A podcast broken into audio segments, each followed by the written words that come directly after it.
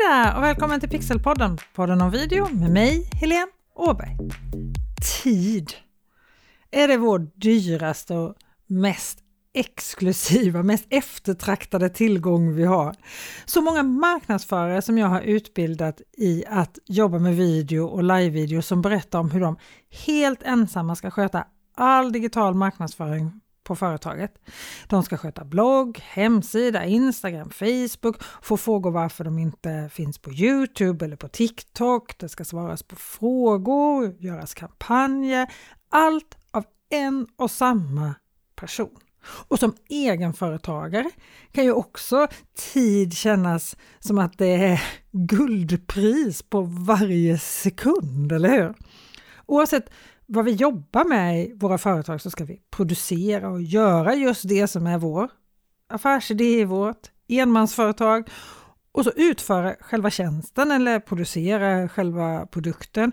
Utöver det ska vi sköta ekonomin i företaget, även om just bokföringen då kanske är den vanligaste saken som i alla fall mina egenföretagarkompisar lejer ut, så ska ju kvitton samlas ihop, fakturor ska skrivas och betalas och så vidare. Och så ska du vara säljare, sälja in dig själv, dina tjänster, dina jobb. Oavsett om du skapar rena säljkampanjer eller har lyxen av att svara på förfrågningar och skriva offert så ska det jobbet göras, avtal ska skrivas, pris ska förhandlas och så ska du marknadsföra, du ska vara din egen copywriter, din egen fotograf, din egen designer, din egen strateg, support. Men det tar liksom aldrig slut. Och då är det lätt hänt att filma och redigera läggs liksom lite på hyllan tills den där dagen när du har mer tid efter just det här projektet eller efter jul. Och jul!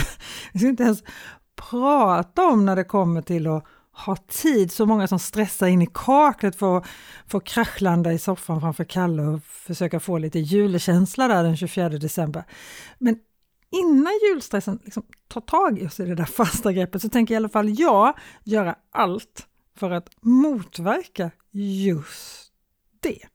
Jag har i flera år varit en person som tyckt om att ha många bollar i luften och han har ärligt tyckt att det är lite fint eller coolt med personer som har mycket att göra, att de är eftertraktade och sett upp till dem. Och nu tänker jag faktiskt helt tvärtom om jag ska vara ärlig. Det är ju dålig planering eller en dålig affärsidé eller en dålig chef om du är anställd. Om du måste slita dig nästan till utbränd för att klara jobbet och sköta det du ska göra. Hur kan det vara coolt att jobba dygnet runt och aldrig ta pauser? Varför är att vara upptagen hedrande och en anledning till att vara stolt?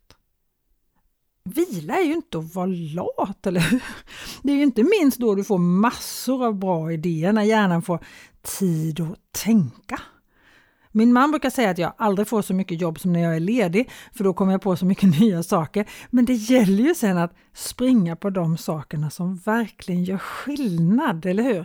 Det går ju inte att springa på alla bollar samtidigt och det har jag nog gjort. Jag har sprungit på alla bollar samtidigt. Men en kalender som inte är proppfull är ju inte slöseri med tid, det är ju snarare smart att använda sin tid effektivt. Och jag måste säga att efter att ha stått bredvid när min man upplevde utbrändhet och depression och efter att själv varit nära, nära, nära, inte minst den här hösten om jag ska vara helt ärlig. Jag har precis kommit igenom några av de mest hektiska veckor jag upplevt och anledningen till det, dålig planering och svårt att säga nej, både privat och yrkesmässigt. För jag vill så mycket och så vill jag testa så mycket. Men efter att ha stått där och sett hur dåligt man kan må, så jag försöker påminna mig själv hela tiden om vad det var jag sa till mig själv när jag startade mitt företag för över 11 år sedan och när jag hade sagt upp mig från min fasta tjänst på TV4.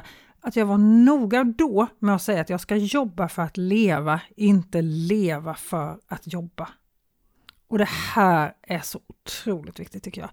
Idag när jag spelar in det här avsnittet så har snön dumpat ner över Stockholm. Hela trädgården är så här invaderad i vit fluffig snö. Och just nu står det ett rådjur och äter på ett äpple som hänger kvar i trädet utanför. Snön har verkligen en lugnande effekt på mig. Jag satte mig i fåtöljen i morse med min kaffekopp och tittade ut på allt det vita och vackra så blev det så tydligt. Nu är det slut. Nu är stressen över. No more. Det finns ju ett uttryck som heter work smarter not harder. Och det är som min nioåring brukar säga om saker han försöker lära sig, det är lätt att säga, svårt att göra. Men om vi kan övertyga chefen eller om oss själva att våga släppa vissa saker helt och använda vår tid klokt, att satsa på det som gör skillnad istället, så kommer vi komma längre och må bättre under tiden. Det är jag helt övertygad om.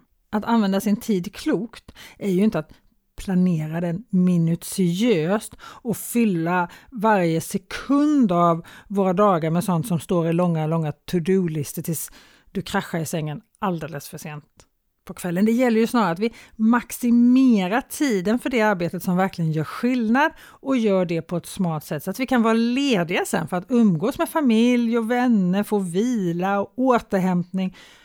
Att jobba för att leva det liv som vi vill leva helt enkelt. Och visst, jobbet kan vara jätteroligt och jag hör så många som säger men jag vill jobba, jag tycker det är roligt. det är jättebra att du vill jobba och att du tycker det är roligt. Men finns det inte annat du tycker är roligt också? Det kommer alltid finnas perioder när vi jobbar mycket. Jag kommer till exempel sända fem livesända tv-program på SVT under novellveckan och spela in ett med Nobelpristagarna som ska sändas både på SVT och på BBC. Så det är ju liksom sex program på fem dagar. Det är klart att det kommer bli en vecka med många timmars arbete, men vägen dit behöver ju inte vara kaotisk och stressig. Med bra planering, och som jag har i det här fallet till exempel otroligt kompetenta, rutinerade och duktiga personer som jag jobbar tillsammans med på de här Nobelsändningarna, så är det ju faktiskt bara en ynnest att få jobba. Men oavsett om jobbet är superduper roligt så behöver du inte ta alltid. Och resultatet kommer bli ännu bättre om det inte tar alla dygnets vakna timmar under vägen fram till sändning. Det är jag helt övertygad om. Och en annan grej som är superviktig att komma ihåg här är ju att när det väl blir då den 10 december när Nobel är slut, då måste jag ge mig själv tid för återhämtning. Då kan vi liksom inte bara hoppa vidare i nästa projekt. Så ja, vi kommer bergs alla ha perioder när det går snabbt som attan och vi borrar ner huvudet och kör. Men de här perioderna får inte vara för långa, de måste vara tidsbegränsade. Och ju mer vi kan förutse vad som kommer att hända eller vad som kommer behöva göras, ju mer förberedda vi är, ju mer kan vi få tid till just den här återhämtningen eller snöbollskrig med barnen eller mys med varm choklad framför brasan och ha tid att njuta av det under tiden, att verkligen vara där i stunden och inte ha tankarna Shit, kommer jag ihåg att skicka iväg det där mejlet nu och vad var det de svarade? Samtidigt som man står och kramar snöbollar, utan verkligen vara där och då. Och sociala medier är en sån här sak som verkligen kan äta tid. Det går alltid att göra lite mer. Du ser andra som gör smarta saker och vill göra det också. Det finns många som postar mer, får fler likes, mer följare och mer och mer och mer och mer. Och du har Bergs redan gissat vad jag ska säga om att jobba smartare och inte hårdare, eller hur? Japp. Det finns ett sätt som är riktigt smart här och det är att jobba med video. Jag vet att det känns svårt ibland. Jag kan själv hamna i perioder när jag bara postar bilder på Instagram eller LinkedIn och inte postar video av just anledningen att det går lite fortare just där och då och så har jag kanske planerat dåligt. Och varje gång jag sen postar en video så blir det ju sån skillnad. Det är inte alltid att varje video får mer views eller fler likes eller alltså de här vanity metrics som är så lätta att fastna i, utan jag ser resultat längre fram. Framförallt så är det så mycket mer varumärkesbyggande och ger mer kunder. Smarter, not harder. Sen är det ju förstås en alldeles underbar bonus, höll jag på att säga, att video ger mer spridning i sociala medier. Det får nästan alltid mest kommentarer, mest engagemang när man på sikt jämför olika format med varandra och framförallt de som ser din video kommer ju ihåg dig, ditt företag, din vara eller din tjänst längre än om de bara då har läst ett textinlägg. Din hemsida hittas lättare när den har video på första sidan eftersom den då har större chans att dyka upp högt i sökresultatet hos Google. Och de som ser video, de lär känna dig, ditt företag, de engagerar sig och tycker om dig och får förtroende för dig och gör ju sen att de väljer dig när det kommer till att köpa något eller anlita någon. Och tänk dig effekten om du tar de där vanliga frågorna som du får via mail eller via DM eller i kommentarer och har ett färdigskrivet svar i ett Google Doc eller som jag har i anteckningar i telefonen. Alltså jag kan inte leva utan den där appen anteckningar. Den finns ju både i telefonen och i datorn på min Mac då, eftersom jag har Mac. Och så uppdateras det däremellan hela tiden. Alltså det är ett underbart enkelt program som du kan göra to-do-listor, skriva text, lägga in bilder. Ja, underbart i all sin enkelhet. Men om du har ett färdigskrivet svar på de vanligaste frågorna som du får med en länk till en Youtube-video eller en video på Vimeo till exempel, där du svarar på just den här potentiella kundens fråga direkt. Din kund kommer få ett bra svar. Du kommer bara behöva göra jobbet en gång och du överlevererar utan att det tar dig extra tid. Du skriver inte ett snabbt meddelande efter ett par dagar, utan du svarar direkt och så ger du ett uttömmande svar samtidigt som du genom videon skapar kontakt och får kunden att komma ihåg dig extra mycket. Du kan ju förstås länka till ett inlägg i sociala medier också, LinkedIn, Instagram eller Facebook, men nackdelen är ju då att den här personen som mejlar måste ju ha den kanalen just då.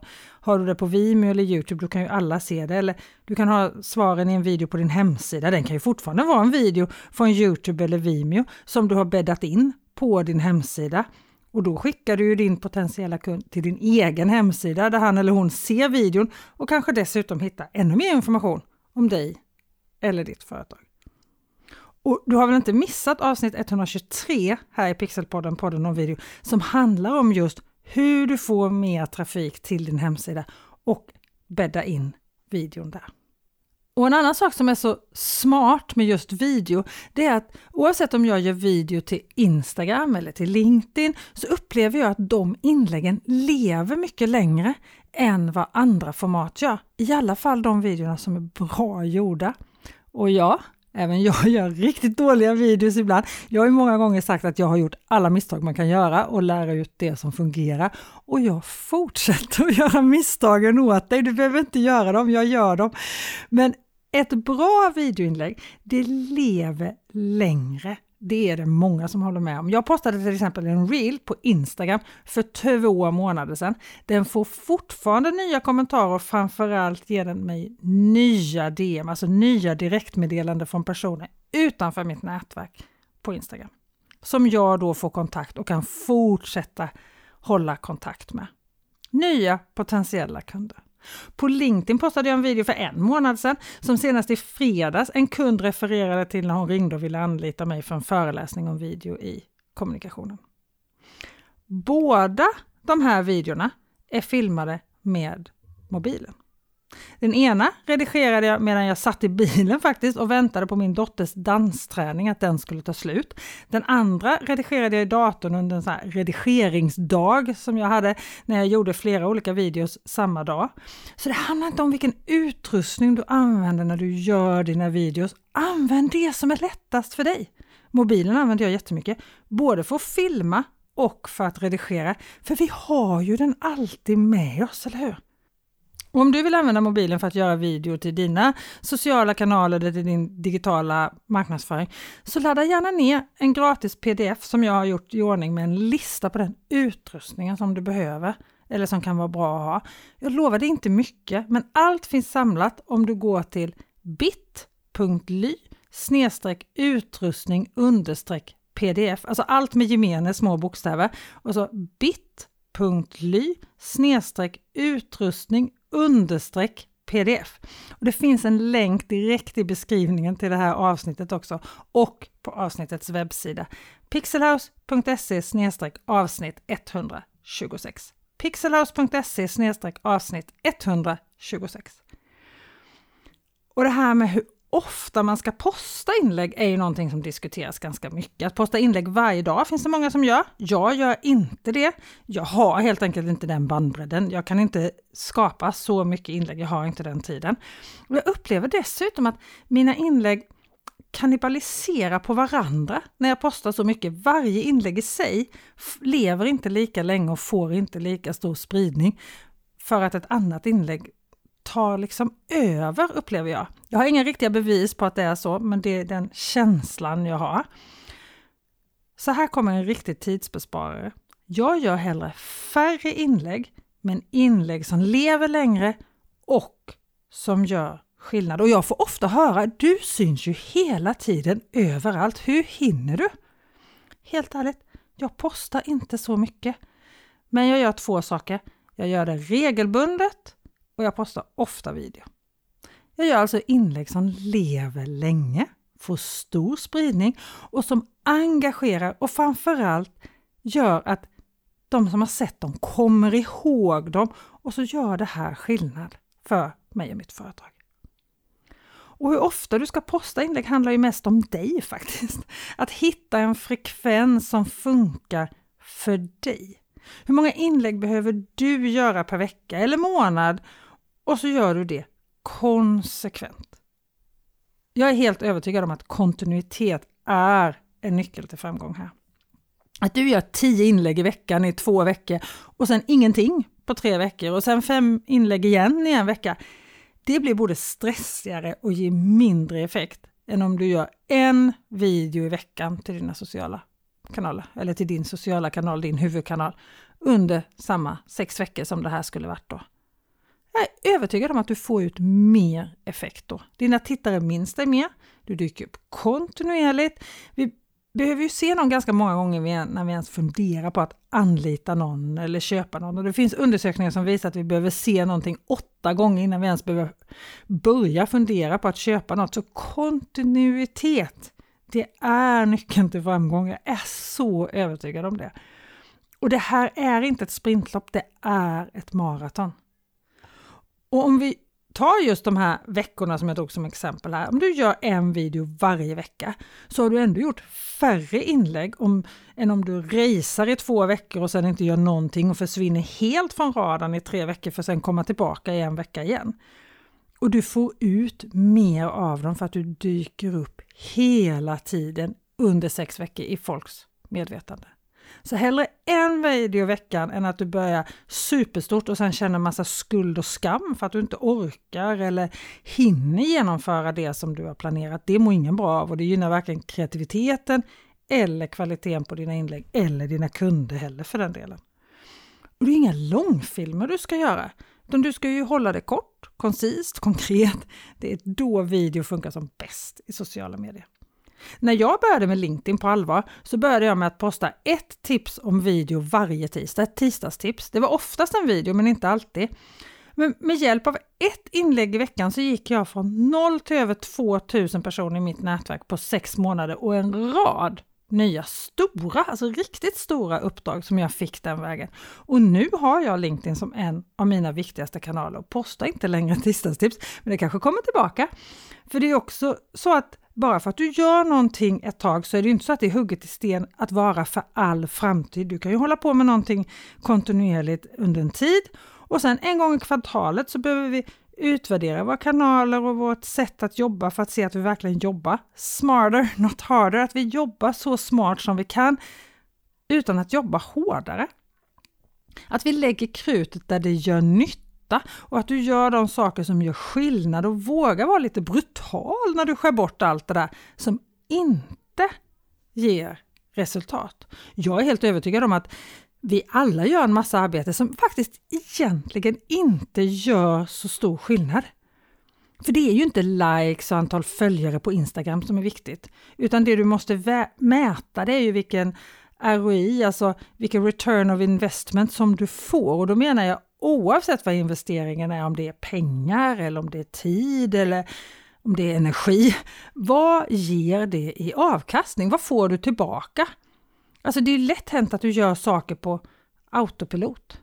Men ska vi kunna jobba smartare så behöver du veta att varje ansträngning du gör i ditt företag faktiskt ger resultat det här gäller det ju att ha tålamod för att kolla varje inlägg eller ens varje vecka. Det är faktiskt inte så givande.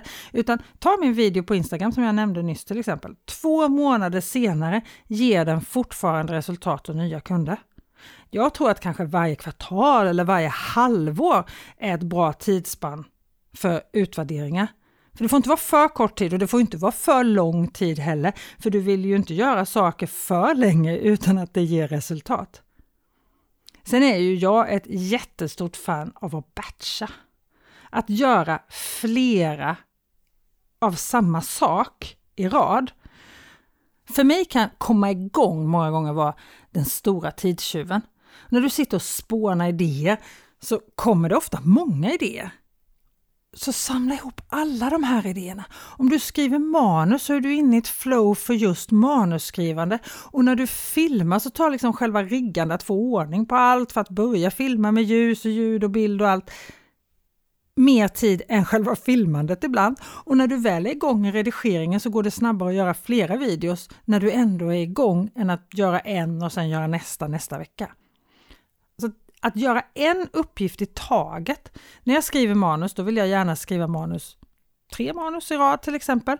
När jag filmar vill jag filma material till tre, fyra filmer samtidigt. Och här är en viktig del att planera. Har du planerat dina videos och vet vad du behöver för material till varje video så kan du filma flera videos samtidigt. Du kan filma klippbilder till flera videos samtidigt. Du kanske har tre filmer som ska postas de närmsta veckorna som behöver liknande bilder från samma plats. Filma de här bilderna samtidigt och du behöver inte filma bilderna i en video i den ordning ordningen som de ska dyka upp i videon. För det redigerar du ju så att de hamnar i den ordningen som de ska synas i videon. Att batcha jobbet, att göra flera av samma, gör att du blir mer fokuserad. Men jag tycker också att jag skapar bättre inlägg och videos när jag gör så här, eftersom strategin och det här övergripande flödet i mina kanaler blir bättre då. Jag får ett större fågelperspektiv Flödet blir bättre än om jag kastar ut enstaka inlägg utan någon större övergripande strategi. Så det ger mer effekt när jag jobbar så här. Återigen, jobba smartare, inte hårdare. Smarter, not harder. Och har du inlägg för flera veckor framåt som du givetvis kan planera och planera om om det kommer något mer intressant som du känner att det här är en nyhet som jag verkligen vill få ut nu snabbt då kommer ju ditt innehållsskapande till dina digitala kanaler kännas så mycket lättare och det kommer kännas så mycket mindre stressigt för att du har en mycket större flexibilitet eftersom du vet att du har bra innehåll till dina kanaler men du kan också vara flexibel och kasta in någonting helt annat när det kommer någonting som du vill ha in. Det är inte kniven på strupen hela tiden. Du får mer lugn, du får mer flexibilitet både med din egen tid och med innehållet i dina kanaler, så det är bättre även för den viktigaste av allt, de som ska se dina inlägg. Och det här med tittaren, det är ju kanske det viktigaste av alltihop. När du vet vem du gör videon för, och då menar jag sådär på riktigt vet vem du gör videon för, så tjänar du så mycket tid när du ska komma på idéer, när du du ska lägga upp ditt innehåll, var du ska posta vad, vilken nivå du ska hålla ditt innehåll på.